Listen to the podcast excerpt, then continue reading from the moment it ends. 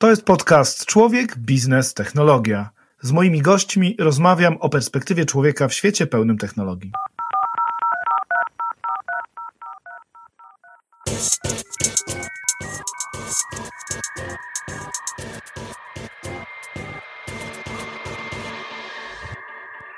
Cześć, dzień dobry, witam Cię w kolejnym odcinku podcastu Człowiek, Biznes, Technologia. Dzisiaj moimi gośćmi są co-founderzy jednego z najbardziej, albo być może najbardziej obiecującego medycznego polskiego startupu Dr. One, Maciek Malenda, nowy gość w tym podcaście i Tomek Rudolf, nie nowy, bo już był gościem tego podcastu, gdzie w odcinku numer 34 opowiadał o Fundacji Kids i dzisiaj temat kontynuujemy. To będzie bardzo ciekawe. Minął w sumie troszeczkę ponad rok od tej naszej rozmowy, ale bardzo dużo się wydarzyło, jak tu panowie powiedzieli mi tuż przed podcastem. To było dwie rundy temu i 12 milionów temu i 5 miesięcy temu działania Dr. One. I dzisiaj sobie porozmawiamy z jednej strony o produkcie, ale też myślę w ogóle o podejściu do ochrony zdrowia, do prewencji, do przyszłości lekarzy. Czy w ogóle jest przyszłość lekarzy? Czy tak jak mówią inwestorzy, wszystko przejmie AI? Zobaczymy, bo tutaj panowie mają troszeczkę inne zdanie na ten temat. Cześć chłopaki. Cześć. Czołem. Tomek, to zacznę od ciebie. Dużo się zmieniło od naszej ostatniej rozmowy, ale ciągle siedzisz w tym samym problemie chyba. Tak, no po naszej rozmowie o Fundacji KIDS, której chcieliśmy zmieniać i nadal Fundacja KIDS chce to robić i robi, zmieniać dziecięce szpitale na lepsze. Ja zdecydowałem się w pełni poświęcić zmianom i innowacjom w służbie zdrowia, w ochronie zdrowia. E, zresztą z Maćkiem, który dzisiaj jest prezesem tej fundacji i, i z którym działaliśmy razem, e, e, próbując zdefiniować przyszłość opieki medycznej, przyszłość szpitali. Maciek był szefem naszego projektu w Kicach Dziecięcy Szpital Przyszłości. I w trakcie tych wielu miesięcy rozmów o tym, jak chcemy zmieniać dziecięce szpitale, rozmawialiśmy też dużo w ogóle, jak, jak widzimy przyszłość ochrony zdrowia, przyszłość lekarzy, przyszłość pacjentów. No i zobaczyliśmy, że mamy wspólną wizję. I tak to się zaczęło. Na waszej stronie internetowej można wyczytać, że tą wizją jest zaopiekowanie 100 milionów ludzi, jeżeli chodzi o opiekę medyczną. Takich dwóch skromnych panów. Skromność to jest chyba wasze drugie imię. Ale to tylko do 2040. Ja, ja, bardzo lubię mówić, że, że trzeba patrzeć w gwiazdy i celować w gwiazdy, bo jak nie, to, to nie wylądujemy gdzieś e, w kosmosie. I My wierzymy, że to jest osiągalne. To, to nie znaczy, że to będziemy tylko my i to nie znaczy, że to Dr. One będzie tym, który, który zmieni świat i często mamy z Tomkiem takie spotkania, nawet robimy sobie takie brancze niedzielne czasem, dyskutując o tym, jaką wizję mamy. Kiedyś mieliśmy taki temat, czy jeżeli ktoś by podłapał nasz, nasz pomysł i, i zaimplementował w jakimś kraju, to czy nam bardzo zależy na tym, żeby to był Dr. One, który, który będzie koniecznie realizatorem tego mhm. świadczenia, no i doszliśmy do tego, że jeżeli ktoś weźmie ten pomysł i zaimplementuje, zrobi te cyfrowe e, czy, czy wirtualne obchody e, i, i, wprowadzi te zasady, które mamy, to dla nas to będzie super, bo znaczy, że ten nasz pomysł faktycznie staje się nowym systemem obsługi chorych czy obsługi osób zdrowych, bo raczej dążymy do tego, żeby healthcare przestał być opieką osób chorych, a, a dążymy do tego, żeby to było jednak opieka nad osobami zdrowymi i utrzymywanie w zdrowiu. No więc te 100 milionów to tak naprawdę co Polska i Niemcy, jeżeli uda nam się zrobić dwa kraje, to, to nie jest aż tak dużo. Um, wręcz ostatnio ktoś nas challenge'ował, że to jest trochę mało, bo tak 100 milionów, to dlaczego, dlaczego tylko 100 milionów, a nie miliard? Czyli nie dość, że nie jesteście skromni, to jesteście jeszcze nieambitni. Wygląda na Dokładnie. Ale wydaje mi się, że skromność w sytuacji, kiedy do czynienia mamy z globalnym problemem, to nie jest dobra cecha. To znaczy mamy do czynienia chyba z najpoważniejszym problemem na świecie, jakim jest zdrowie i prewencja. Mm, I de facto no, to jest taki cywilizacyjny problem, tak? Więc jak wy go definiujecie? Ja myślę, że ten problem jest oczywiście bardzo złożony. E, od e, tego, co WHO definiuje jako brakujących 4 miliony lekarzy w, wkrótce, e, czyli jakby ta, ten dostęp do lekarza, pacjentów, również w Polsce, będzie coraz trudniejszy. W niektórych grupach lekarzy ten, ta średnia wieku dochodzi do 60, 60 kilku lat i jak te osoby cenione, cenieni eksperci pójdą na emeryturę, to, to będzie naprawdę trudno dostać się do, do, do specjalisty. Już dzisiaj czasami, nawet jest, jeśli jesteśmy w prywatnej opiece medycznej, i płacimy za ten, za ten dostęp lepszy, to nie zawsze on jest taki idealny.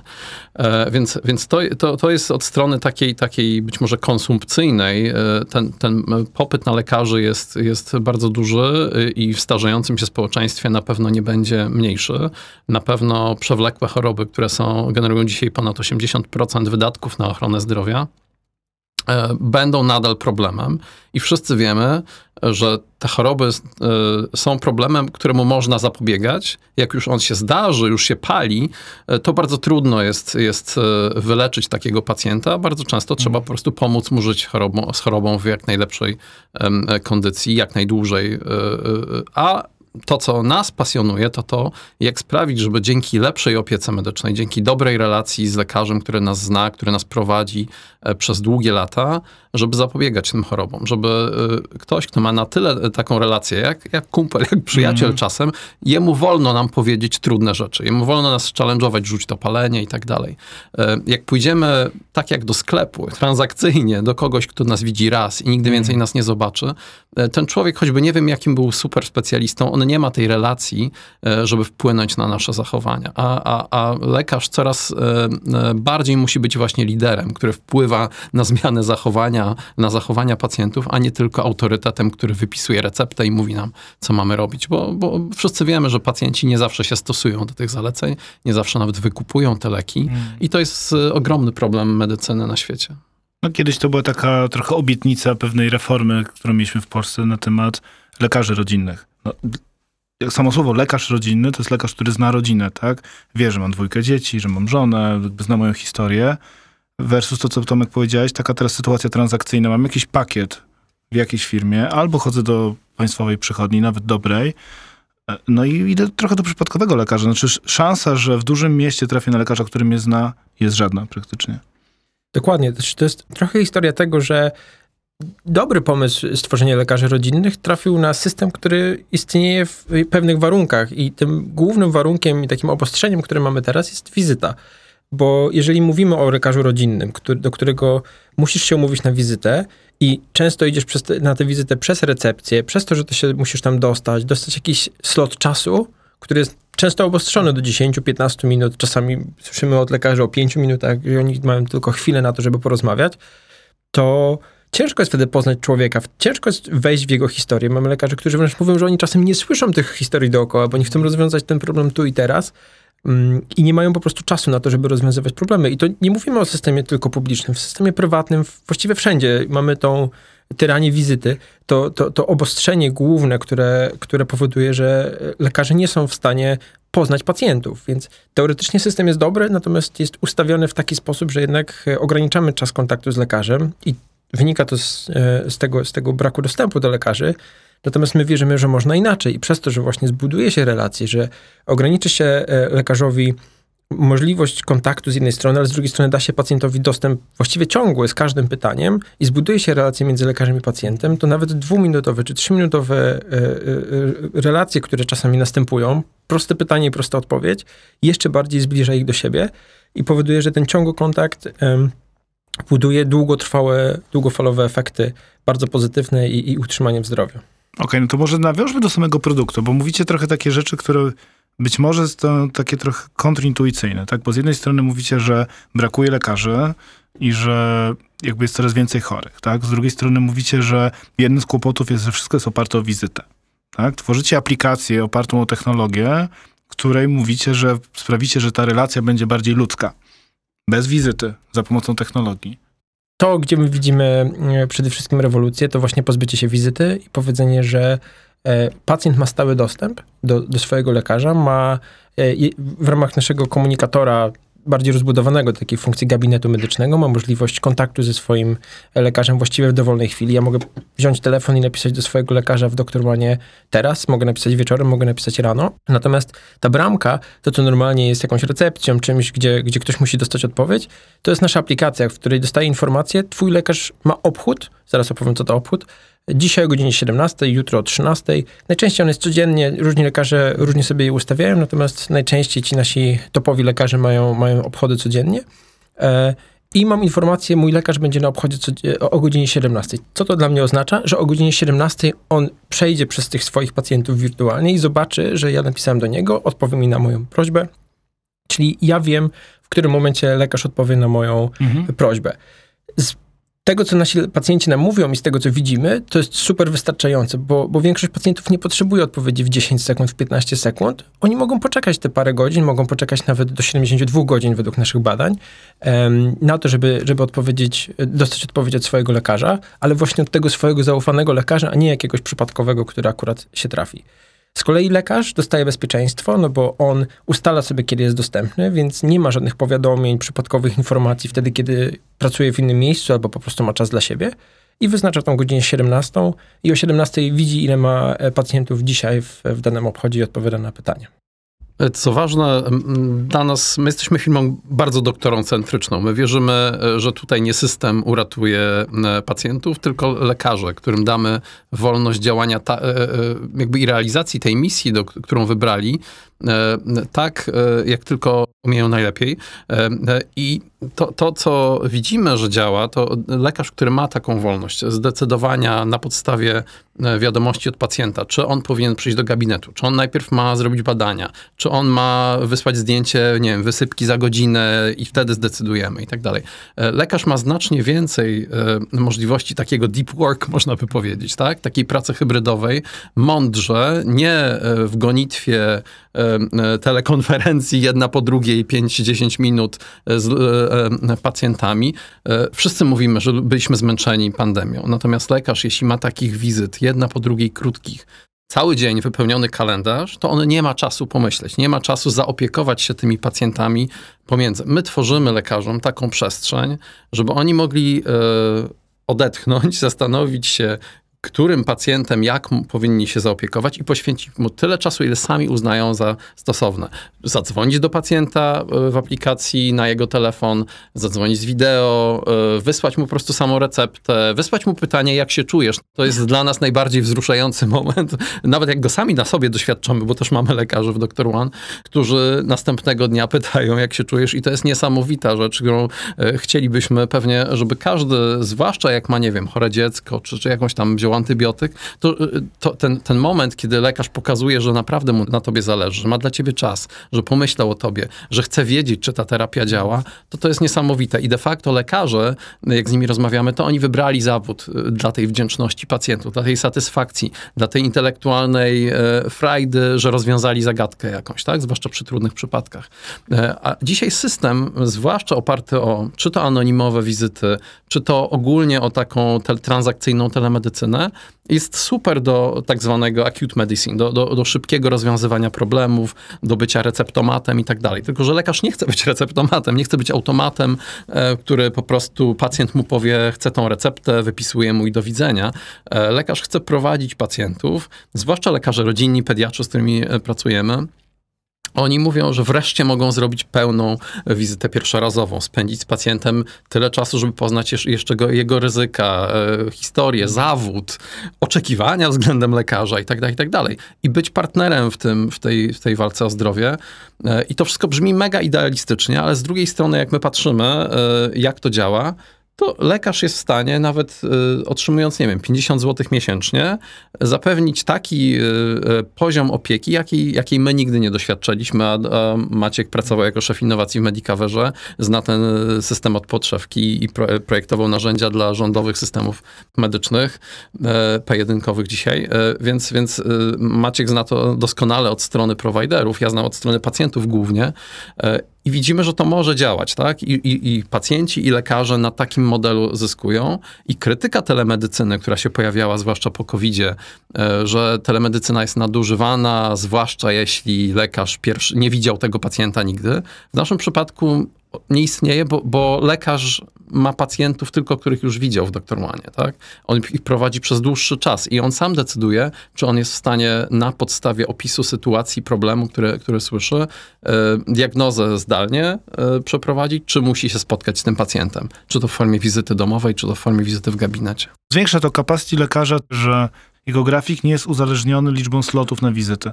Tak? No, te systemy, tak jak powiedziałeś, że macie pracować w Medicaverze, no to prywatna służba zdrowia czy państwowa jest jednak oparta o liczbę wizyt. Mhm. I kłopot polega na tym, że im więcej mam nowych klientów, a to jest cel biznesowy, tak? De facto i państwowych, i prywatnych, jakby umówmy się, placówek, polega na tym, że im więcej mam tych, tych pacjentów, którzy wykupują pakiety, a slotów lekarzy mam tyle samo albo się kurczą, to ta, mój sukces jednocześnie jest moją porażką, bo nie jestem w stanie dostarczyć tej opieki.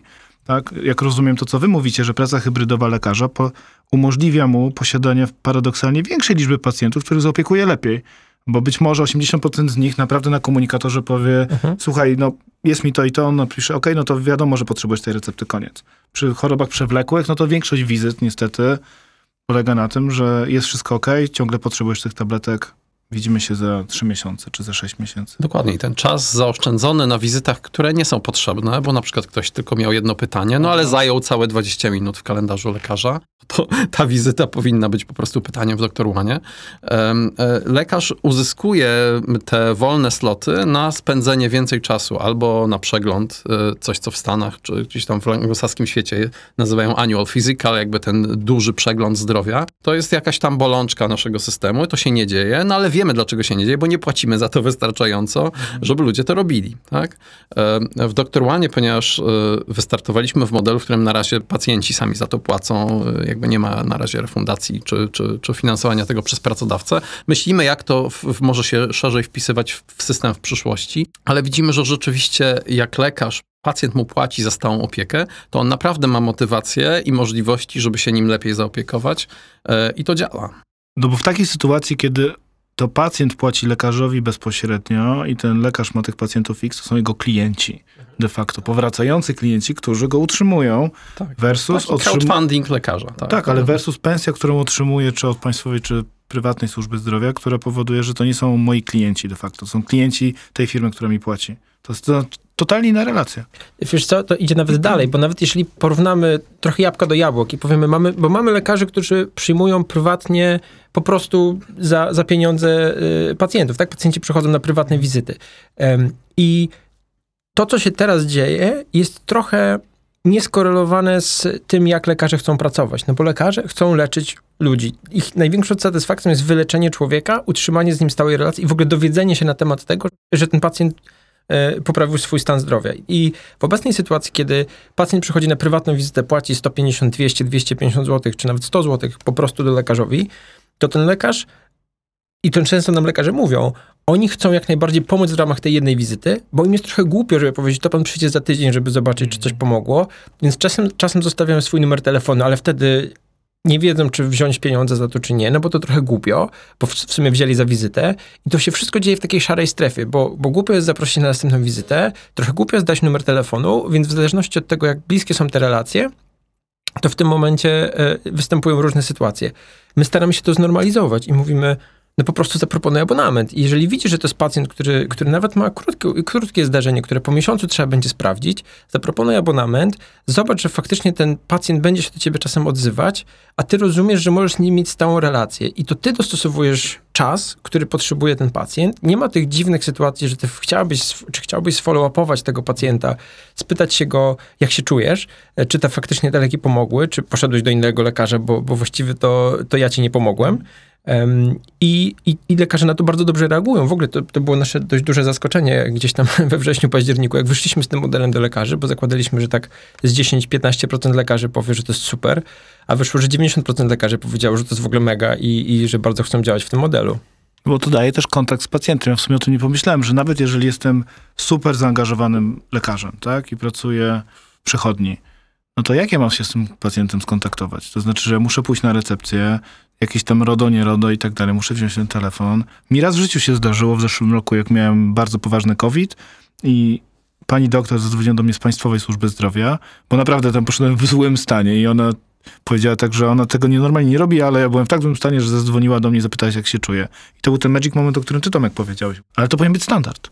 Dokładnie. To, I to, jest, być standard. To może być standard. to, to może być standard. My wiemy, że my sprawimy, że to będzie standard, idąc jeszcze dalej w naszej skromności. Natomiast mm, no, na dzień dzisiejszy lekarz nie wie nic. Tak jest, jeżeli on nie wyjdzie jakby z tym extra step właśnie z znalezieniem numeru telefonu, to właściwie zlecając receptę nawet, to lekarz nie wie nic. Nie wie, czy pacjent wykupił receptę, nie wie, czy ją wziął, nie wie, czy w ogóle mu pomogło i tym bardziej, czy on poszedł do innego lekarza, więc on ma od minus 100 do 100 i właściwie może sobie wybierać. I on może tylko na swoim gut feelingu poczuć, że faktycznie pomógł temu pacjentowi albo nie. W świecie IT powiedzielibyśmy, że brakuje dobrego CRM-a. Dokładnie. I trochę jesteśmy takim patient relationship management software, można powiedzieć, e, aczkolwiek no my, my zdecydowaliśmy się być też podmiotem medycznym, który, bie, który bierze współodpowiedzialność za tych pacjentów, e, dba o bezpieczeństwo tych danych, ale też stara się budować narzędzia dla lekarzy, którzy pomogą im lepiej dbać o tych pacjentów. Wbrew pozorom, e, to widzieliśmy w komunizmie, że pracując długo w komunizmie, byliśmy uczeni pewnego sposobu pracy. Więc lekarze są ukształtowani po części przez system oparty na wizytach, system reaktywny mhm. i tak dalej, i tak dalej. Są lekarze, tacy outlierzy, rewolucjoniści, którzy hakują ten system, dając prywatny numer telefonu, z nimi można się skontaktować w każdym momencie. I rzeczywiście oni byli dla nas trochę takimi early adopterami, bo pokazywali nam swoje telefony z tymi stoma e, wiadomościami SMS z dnia, a czasem od jednego pacjenta 20, mhm. tak? Bo pacjent napisał, ale lekarz ma dyżury, więc nie odpisał, a pacjent się ciągle e, martwi, czy on w ogóle odpisze, czy on dostał wiadomość i, i, i, i tak dalej. Z drugiej strony część pacjentów się kryguje i nie chce wchodzić na głowę i jest głupio napisać do tego lekarza. My chcieliśmy ten taki dziki zachód trochę ucywilizować i do, e, e, do tych nowych czasów, w których e, dane o pacjencie możemy zbierać ciągle, tak? Wszystkie te nowe aplikacje i stetoskopy i tak dalej pozwalają pacjentowi w domu mieć dużo więcej informacji o sobie. Tylko, że pacjent bardzo często sam z tą informacją nie, niewiele zrobi. Sam sobie recepty zwolnienia nie napisze i tak dalej, i tak dalej. Jedynym często lekarzem, z którym ma kontakt jest dr Google. Dokładnie, więc y, to, co my chcemy zrobić, to dać y, y, pacjentom, nawet jeśli korzystają z takich no właśnie nowej generacji urządzeń w domu i mogą sami z tymi urządzeniami się być może mm, zdiagnozować czy monitorować lepiej, to żeby mieli stałego lekarza, który zna i to urządzenie, hmm. i tego pacjenta, lepiej podejmować te decyzje, co, co z tym zrobić. I oczywiście przychodzi do, jakby wizyty nie znikną, tylko wizyty nie powinny być jedyną formą kontaktu i to zarówno zdalne wizyty tele, telefoniczne, wideo, jak i w gabinecie, tylko powinno być jednym, jednym z narzędzi po prostu, a to lekarz, my wierzymy, powinien decydować, które z tych narzędzi wybiera. E, system, w którym to pacjent decyduje, jest bardzo drogi dla e, systemu publicznego mhm. czy prywatnego, no i, i, jest w pewnym sensie komfortem, który mając tak niewielką liczbę lekarzy, nie możemy sobie pozwolić. Jakby to, to, to jest coś, co e, my widzimy i chcielibyśmy, patrząc na te choroby cywilizacyjne, na te choroby przewlekłe, dać pacjentom z tymi chorobami lepszą opiekę, e, dać, e, ale dać też nowym generacjom taką opiekę, która sprawi, że oni będą w dobrych rękach przez całe życie, nauczą się dbać o siebie, będą mieć tego sparring partnera, który będzie ich pilnował, który będzie być może dawał im i uczył ich od czasu do czasu jakichś nowych device'ów, które będą ich monitorować, będzie im pomagał się nauczyć samemu o siebie lepiej zadbać. I my w tej przyszłości widzimy człowieka. Nie? Jakby e, jak rozmawialiśmy z inwestorami, zbierając naszą zwłaszcza drugą rundę inwestycyjną e, e, za granicą, to jakby główne pytania dotyczyły tak jakby tej przyszłości danych, automatyzacji AI-ów i tak dalej, no bo cały dyskurs w tym świecie medycyny digital health jest wokół automatyzacji sztucznej inteligencji. I my myśląc o tym, jak sami chcielibyśmy być leczeni, jak nasze, nasi członkowie rodziny, to, to, widzimy, że ta sztuczna inteligencja to jest tylko jakby połowa medalu i że oczywiście automatyzacja i dane są potrzebne, ale potrzebna jest oprócz sztucznej inteligencji prawdziwa empatia y, i taki human intimacy y, oprócz artificial intelligence, które uzupełni tą medycynę o, o, o, to, co de facto było medycyną przyszłości. Taki lekarz, który z walizeczką przychodził do nas, znał rodzinę, był na weselach czasem i tak dalej, i tak dalej, znał rodzinę od pokoleń. Moja babcia miała krwotoki z nosa, mój tata miał mhm. krwotoki z nosa, ja miałem krwotoki z nosa, teraz mój syn ma. I taki lekarz znający, prowadzący rodzinę przez lata, e, taki lekarz rodzinny, jak powinien to być w systemie. Tak, to jest nasza, nasza wizja, nie? Takiego prywatnego lekarza dla każdego. Powiedziałeś dziki zachód, czyli doktor Queen, ale w walizeczce cyfrowe narzędzia. Tak jest. Taki trochę Westworld, tylko bardziej z pozytywnym twistem. Moglibyśmy jeszcze kilka mieć takich pewnie. E, to, to, to, to Tomek ważne powiedział właśnie, bo ta nasza rewolucja to jest trochę powrót do normalności i, i mm -hmm. my w to mhm. wierzymy, że, że tak powinno być i że każdy z nas powinien mieć lekarza, e, który dzięki technologii jest w stanie obsługiwać nas wszystkich, czy to w dużych miastach, czy w małych miejscowościach, a jeszcze przy tym, jak będziemy mieli coraz więcej technologii, coraz więcej narzędzi, które będą pomagać lekarzowi, a nie pacjentowi w tym, żeby przetwarzać te duże ilości danych, to to będzie ta rewolucja, więc e, wierzymy, że, że sztuczna inteligencja tak, ale taka, która pomaga lekarzowi podejmować jak najlepsze decyzje w przyszłości. Myślę, że fajne, powiedziałeś Tomek, bardzo fajną rzecz jakieś kilkanaście minut temu, tylko nie miałem okazji do niej wrócić, ale to trochę w tym kontekście powiedziałeś, że trochę tak jak w pracy hybrydowej, większość wizyt mogłaby być mailem. I to jest pewna rewolucja, którą w ogóle chyba w tej chwili przechodzimy. To znaczy wszyscy, to co dobrego być może z pandemii mamy, to jest takie powiedzenie sobie, że my nie musimy tak pracować, jak do tej pory pracowaliśmy, tak? I być może jesteśmy w stanie trochę inaczej kupować, trochę inaczej, nie wiem, kontaktować się z firmami i tak dalej. No i być może branża medyczna też z tego może dużo wyciągnąć, tak? To znaczy no, takie dni, kiedy my nawet pracując w dużych firmach mamy cały dzień spotkania, no to de facto nie pracujemy. Tego deep work brakuje, tak? No i lekarze też nie mogą leczyć ludzi poprzez same spotkania. No to tak nie działa po prostu. Zwłaszcza ustalane przez samych y, pacjentów. Tak, Pomyśl, dokładnie. jakbyś ty jako szef zarządzał firmą w ten sposób, że ty sam żadnych spotkań nie ustalasz, tylko twoi pracownicy Przychodzę rano i mam listę po prostu Tak. Anonimowych pracowników, to przychodzą do mnie Tak, ze swoimi Tak, problemami. i wiecie, to wiesz, to jest tak, że Twoja lekarze- sprawczość jest znacznie mniejsza, tak? Tak. Jakby twoja odpowiedzialność za te wyniki, za zdrowie pacjentów. A e, w Stanach e, ostatnio kilka inwestycji było w startupy, które właśnie idą w tak zwany value-based healthcare, gdzie płaci się e, za całą, zdrowie całej populacji. No i lekarz, który ma teraz zadbać o zdrowie tej populacji, jest wynagradzany od tego, jak poprawi zdrowie populacji, bądź on o nie zadba i nie, nie musi robić konkretnej liczby wizyt, musi, płacony mu, płaci mu się za wynik, to teraz musimy mu dać narzędzie, jak on ma dbać o zdrowie swojej populacji, mogąc być proaktywnym, mogąc robić, robić prewencję, mogąc robić testy, mogąc robić różne narzędzia. Dajemy mu cały narzędziownik, ale dajemy mu jako bazę relacje z tymi pacjentami. Tak? On, on ich zna, on wie, e, może ich sobie podzielić na grupy, z tą grupą tak pracuje, z tą grupą tak i tak dalej. I, i to, jest, to jest ten model. My dajemy właśnie lekarzom narzędzia, oni w naszym przypadku sami ustalają wysokość tych abonamentów, e, Okej. sami decydują, e, jak często piszą do tych pacjentów. M- Są tacy, którzy pracują intensywnie, bo mają taki typ pacjentów. Są tacy, którzy po prostu są lekarzem, który gasi pożary, katary i tak dalej. E, Ale, ale e, tutaj, tutaj wierzymy po przede wszystkim w lekarzy, że oni wiedzą, co robić. Nie? A mieliśmy jeszcze przed wejściem do studia e, taką dyskusję właśnie, czy ten model jest dla wszystkich specjalizacji, bo trochę to, co mówimy, to jest trochę internista, pediatra, lekarz rodzinny, tak? Czyli to taka relacja i podstawowa opieka. Tak, gdzie często ta wizyta pojawia się, no nie wiem, proszę pokazać gardło, czy podstawowe badania, no ale medycyna nie jest tylko o, wiecie, podstawowej opiece medycznej. Wiesz co, jest dosłownie kilka specjalizacji, które, które nam się wydają jako dalsze i na razie z tego wychodzi, że tak jest. To, to przede wszystkim to anestezjologia, chirurgia i, i radiologia, dlatego że tam nie ma aż takiego kontaktu z pacjentem, natomiast mamy takiego, y, mamy takich chirurgów, którzy robili, zrobili sobie z tego na przykład taki system projektowy, że, że jest przygotowanie do operacji, operacja i, okres pooperacyjny. I oczywiście to nie jest relacja długofalowa, to nie jest relacja 3-4 lata, ale to, to jest 6 miesięcy na przykład i, i oni w ramach tego mają taki abonament.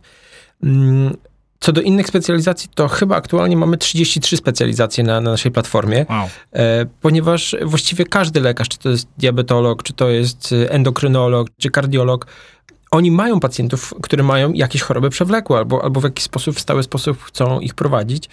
Mm, I dla nich ten system jest idealny. Endokry- Endokrynolodzy jasno nam mówią, no, oni w większości polegają na badaniach diagnostycznych i właściwie to oni w ogóle nie muszą widzieć tych pacjentów, No tak. tylko dostosowują leki.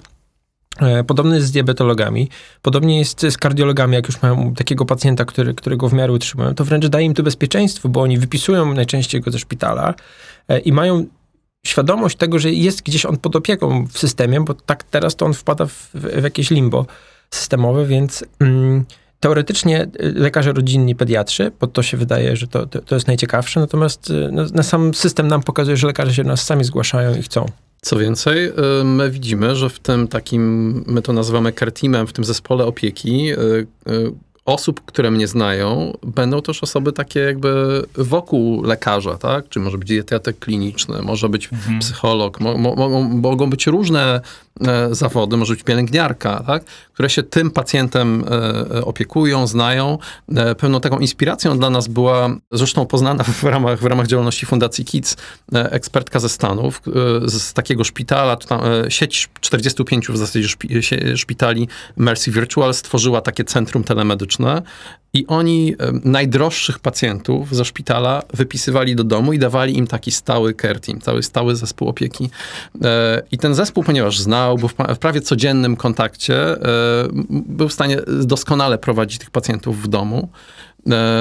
E, I, I my widzimy, że takie właśnie zespoły opieki, które znają pacjenta, że to nie jest tylko call center, tak? czy jakaś tam infolinia, czy chatbot, tylko ta, taki stały zespół, to jest też przyszłość opieki szpitalnej. Nie? Byłem, byłem właśnie ostatnio na programie e, cyfrowej transformacji w, w na, na Harvard Medical School i tam gro dyskusji o przyszłości właśnie szpitalnictwa e, e, było wokół tego, że nie wiem, w jednym szpitalu w Argentynie już 50% pacjentów prowadzonych przez ten szpital jest w domu, tak? Oni cały ten equipment przesyłają do pacjenta, przychodzą na dyżury i tak dalej e, do, do, do tego pacjenta, a pacjent ma, jest w stałym kontakcie ze swoim zespołem opieki, tak? No bo umówmy się, że jakby można by prawdopodobnie większość pacjentów wypisywać dużo szybciej, dać im komfort bycia w domu, jednak to jest ogromny stres bycia w szpitalu, wykorzystać trochę rodzinę do opieki i zapewnić dużo lepszy kontakt. I te obchody, o których mówiliście, e, tak, czyli ten cały koncept cyfrowego obchodu, no to jest, jak rozumiem, przedłużenie tych obchodów, które się w szpitalach dzieją. Oczywiście. Tak, gdzie to jest standard, że rano czekam na lekarza, no bo wiem, że przecież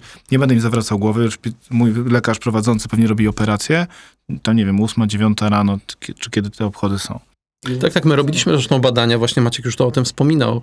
E, e, ile jesteś w stanie poczekać na odpowiedź, jeśli to będzie ten lekarz, który cię zna, e, e, zanim pójdziesz do call center, tak, do byle jakiego lekarza. I wychodziło nam jakby, większość ludzi spokojnie czeka do 24 godzin, to w ogóle bez dwóch zdań. Tam mediana była e, e, 24, natomiast nawet niektórzy czekali 72 i jak pomyślimy, ile my czasem czekamy na konsultację ze specjalistą, co czasem idzie w tygodnie, No tak? tak, no. E, czy, czy miesiące nawet, nie daj Boże, to, to, e, to, to i tak jest lepszy, lepsza jakość opieki. I, i, I to jest też ogromny komfort pracy dla lekarza. On czuje się z tym też bezpieczniej, że, że, że pacjent zawsze, gdyby coś się działo, może napisać. Natomiast jeszcze a propos tego, tych tygodni i miesięcy, czy oczekiwania, to jest ciekawe, bo rozmawialiśmy ostatnio z, też z jednym z lekarzy, z jednym z topowych specjalistów w Polsce i on mówi, no ale wiecie, jak macie takiego zaufanego lekarza i on wam powie, to pan zrobi badanie, jakieś takie standardowe, ale jak pan poczeka 2-3 miesiące, to się nic nie stanie, to ten pacjent czeka. I to też jest ważne, że jeżeli masz tego zaufanego Mm. lekarza i on powie, to pan się zapisze, nawet do NFZ-u, nawet pan poczeka też 6 miesięcy, to się nic nie stanie, jak pan poczeka 6 miesięcy, no bo to trzeba robić raz na 5 lat, to czy pan Mm. zrobi teraz, czy, czy pan zrobi za, za pół roku, to niewiele zmieni. E, I to też nam zmienia podejście. Wtedy pacjent się zapisuje i nie denerwuje się, że on czeka 6 miesięcy na badanie, bo on wie, ma spokój, bo lekarz mu powiedział, 6 miesięcy może pan spokojnie poczekać, później dostaje jeden wynik i nie ma obawy, że on będzie znowu musiał 6 miesięcy czekać na to, żeby ktoś spojrzał na ten wynik. On dostaje od razu odpowiedź w doktorłanie, e, że ktoś widział ten wynik e, i, i odpowiada mu ten, na ten temat. Tak i dalej go prowadzi. A jak widzicie rolę doktor Łana właśnie w prewencji? No bo dużo mówimy teraz o tym, że pacjent ma problem, przychodzi do lekarza, lekarz go leczy i tak dalej, natomiast no, sami na początku powiedzieliście, że gro przypadków tak naprawdę można byłoby ograniczyć poprzez prewencję, poprzez takie dbanie o zdrowie. Czy widzicie też taką proaktywną rolę platformy tutaj? Jak najbardziej. Ju- Już dzisiaj e, lekarz, jak widzi pacjenta, może sobie ustawiać przypomnienia i jemu na obchód wejdą przypomnienia na przykład za pół roku czy za rok, e, badanie kontrolne dla tego Tak. pacjenta, napisz do niego. Więc jakby my, te, te obchody nie są tylko jednostronne. Na tym obchodzie mogą też e, pojawić się przypomnienia, które lekarz sam sobie lub wspólnie z pacjentem sobie ustala. I, I to jest jakby jedna rzecz, tak? Czyli jakby lekarz jako proaktywny partner. Druga rzecz, to w ogóle start tej relacji e, poprzez taką pełnoprawną wizytę pierwszorazową, co powinno być standardem e, jakby w e, opiece dzie- dziecka. Jest ta wizyta patronażowa, potem jest jakby e, w medycynie rodzinnej jakby no, ta, ta pierwszorazowa gdzie, e, e, wizyta, gdzie poznaje historię, ryzyka, choroby w rodzinie i tak dalej. E, No, teoretycznie każdy taki prowadzący lekarz powinien to robić. Pytanie, czy na ile to jest standard i na ile każdy z nas ma potem doświadczenie powtórnego przeglądu tego zdrowia raz na rok, takiego Mhm. właśnie corocznego przeglądu zdrowia, jak robimy z samochodem. I my wi- wierzymy, że taki lekarz, który właśnie e, będzie ten przegląd samochodu nam robił co, co, co roku, będzie pamiętał nas, pamiętał nasze wyniki, spojrzy e, w wykres giełdowy naszych, naszych parametrów i nie będzie nas porównywał z jakimś anonimowym e, standardem rynkowym, że tak powiem, pacjenckim poszczególnych parametrów, tylko będzie nas porównywał z poprzednim. To przez to, że nas zna e, i ma tą wiedzę ukrytą, tak, ten tacit knowledge o pacjencie, to będzie po prostu znacznie lepszym e, partnerem w prewencji, bo, bo nawet e, patrząc na, tak, na tego pacjenta, zobaczy, że coś jest nie tak, że pacjent No tak, zmienił no. się fizycznie i tak dalej. Mamy lekarzy, którzy mówią nawet, że w niektórych specjalizacjach powiedział nam lekarz, że jak pacjent idzie po, po, po schodach, po tym, jak, po tym, po dźwięku jego, jego kroków, on słyszy, w jakiej on jest formie, nie? O, wkurzony cię przyszedł. Właśnie, jakby taki trzeci punkt jeszcze do tego, co Tomek powiedział, to właśnie ta, ta, ta wiedza pomiędzy, to taka niesprecyzowana wiedza jest bardzo ważna, bo e, mamy bardzo dużo jakichś statystyk, czy, czy tego, gdzie mówimy na przykład, kiedy zaczyna się cukrzyca, ale tak naprawdę cukrzyca to nie jest choroba, która następuje z dnia na dzień, której przychodzisz i ty masz cukrzycę, którą się zaraziłeś. To jest choroba, która buduje się przez lata i taki lekarz, który ciebie obserwuje, który widzi, że twój, twoja glukoza zaczyna rosnąć, albo twój, twój stan jest coraz gorszy, masz coraz gorsze przetwarzanie tej glukozy w organizmie, jest w stanie to wykryć dużo szybciej. E, Tak samo z kardiologiem. Ja na przykład mam bardzo niskie tętno, takie, które jest zupełnie wpadające w bradykardię i moi lekarze na ten temat wiedzą i oni wiedzą, że ja nie powinienem się tym przejmować, że mam niskie tętno. No, natomiast pewnie za, za 20-30 lat, jak będę starszy, to ono będzie mi rosnąć i ja- pewnie dopiero zacznę wpadać w mój klas, jakby w takie klasyczne, zdrowe serce w momencie, kiedy moje serce już nie będzie takie, takie zdrowe. I, I jak nie będę mieć tego lekarza, który to obserwuje od lat, albo ja nie będę tego Mhm. świadomy, a większość ludzi jednak nie jest tego świadoma, no to mogę przeoczyć coś, co się złego dzieje z moją e, osobą. Więc to jest ta prewencja, którą my widzimy i to jest ta prewencja, której nikt poza dobrym lekarzem, no bo nie mamy takiego poziomu sztucznej inteligencji, jeszcze długo nie będziemy mieli takiego poziomu sztucznej inteligencji, nikt poza dobrym lekarzem nie jest w stanie wykryć. Przy założeniu, że będzie miał dostęp do danych historycznych. I to też jest Dokładnie. kłopotem, tak? No bo moje dane historyczne są o tyle dobre, dopóki nie zgubię tego pudła, które mam u siebie w dużym pokoju, tak? Na temat Tak. moich wyników. Tak. Które Dlatego- już zgubiłem. Dlatego Kiedyś. połączenie wizyty tej pierwszorozowej, Mhm. gdzie, gdzie masz trochę taką spisanie swojej historii, plus obserwacja ciągła przez miesiące, lata, Jasne. konieczne.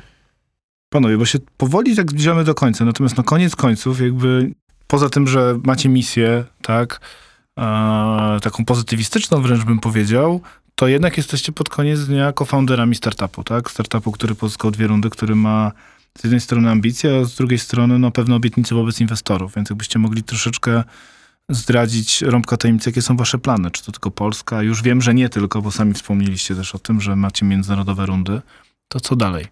Mamy to szczęście, że ja mając to doświadczenia z The Hard i Maciek też doświadczenia z wielu miejsc, ostatnio właśnie z Informatyki, jakby widzimy jak rozwijają się startupy z inwestorami i oczywiście to jest takie trochę mm, tempo przyspieszone rozwoju w stosunku do mm, przedsiębiorcy, który z własnych oszczędności buduje e, biznes. E, e, Nam się udało pozyskać pierwszą rundę, powiedzmy, po miesiącu pracy nad pomysłem, równo rok temu. E, e, Powołaliśmy spółkę. Dzisiaj jest rocznica e, jakby rejestracji. E, I po miesiącu zaczęliśmy rozmawiać z inwestorami, pozyskaliśmy bardzo szybko pierwszą rundę. Niedawno ogłaszaliśmy naszą drugą z berlińskim inwestorem. My wierzymy, że ten projekt ma ogromny potencjał międzynarodowy. Już w tym roku chcemy pierwszy e, zagraniczny rynek e, odpalić. E, I no, wierzymy, że, że będziemy mm, w stanie pozyskać. W tym roku chcielibyśmy około tysiąc lekarzy w Polsce, tak żeby tutaj ten model już e, e, spokojnie się dalej rozwijał, a my żebyśmy mogli e, wprowadzać go na kolejne rynki. A po pięciu miesiącach, bo jest pięć miesięcy od startu platformy samej, tak? To o jakiej grupie lekarzy i też pacjentów możemy mówić w tej chwili, jeżeli, jeżeli możecie zdradzić? Tak, to, to mamy kilkudziesięciu lekarzy aktywnie działających, plus kilkuset pacjentów już zbliżających się pod tysiąc, których, których mamy, więc jest to już spora grupa. Oczywiście to jest dopiero początek. Em, I chyba fajniejsze dla nas jest to, co ostatnio w ramach, w ramach jednego z paneli e, na Impakcie dy- dyskutowaliśmy z jednym z dyrektorów szpitali i on powiedział, że mm, kl- klasycznie ludzie instalują aplikacje medyczne na mniej więcej 4 dni. To jest taki, taki jakby średnia zainstalowania aplikacji medycznej i zainteresowania, nawet jeżeli nie ma się do tego jak, jakieś urządzenie, jakiś device.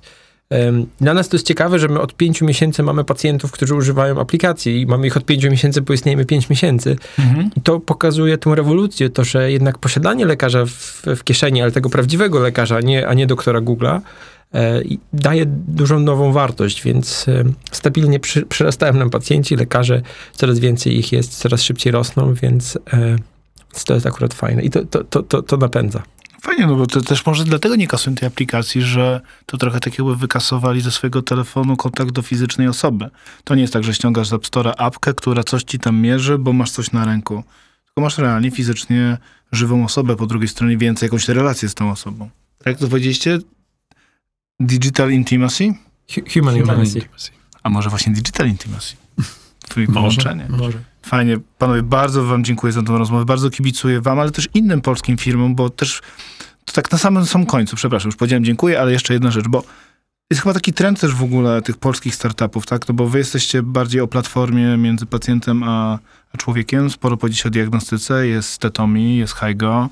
Może w przyszłości, wiecie, jakaś współpraca tutaj. To, to zdecydowanie i e, rozmawiamy i, i, i chcemy współpracować, dlatego też, że wychodzi nam, i to zresztą sami dostawcy takich urządzeń nam mówią, że jesteśmy idealnym partnerem, dlatego że oni są najczęściej subskrypcyjni. Oni mówią, płać co miesiąc za urządzenie, a my mówimy, płać co miesiąc za dostęp do lekarza i ich Mhm. modele biznesowe rozwalają się w momencie, kiedy oni dodają lekarza u siebie, no bo, bo właściwie jak mają dodać wizytę miesięcznie? Mogą dodać tylko jakiś e, call center, tak? Tak. które znowu nie, nie, nie spełnia tej samej potrzeby. A komfort posiadania lekarza, który zna się na przykładowym stetomi i na tym pacjencie i jest też w abonamencie, e, e, powoduje, że my możemy być partnerem trochę tak jak firmy telekomunikacyjne dla sprzedawcy telefonów. Tak? Jakby Dokładnie jest tak. ten billing, jest, ten, jest ta miesięczna stała relacja, a urządzenia mogą się mm, zmieniać w zależności od sytuacji pacjenta, bo być może różnych będzie potrzebował, a my możemy być tą platformą, która w oparciu o stałą relację z lekarzem będzie te urządzenia jakoś tam e, udostępniać. Słuchajcie, w tym studiu było Stetomi, było Hygo, jest, y, jest Dr. One, więc może to jest jakiś, wiecie, przyczynek do fajnego polskiego ekosystemu. Oby Mamy tak nadzieję. było. Mamy na to wielką nadzieję. Tomek, Maciek, wielkie dzięki. Wszystkich zachęcam po pierwsze do szczepień się już niedługo, po drugie do dbania o zdrowie, po trzecie do prewencji i dbania na przyszłość. A czy z Dr. One, czy nie, to już po tej rozmowie zostawiam wam do oceny. Dziękuję wam bardzo za rozmowę. Dziękuję. Dzięki.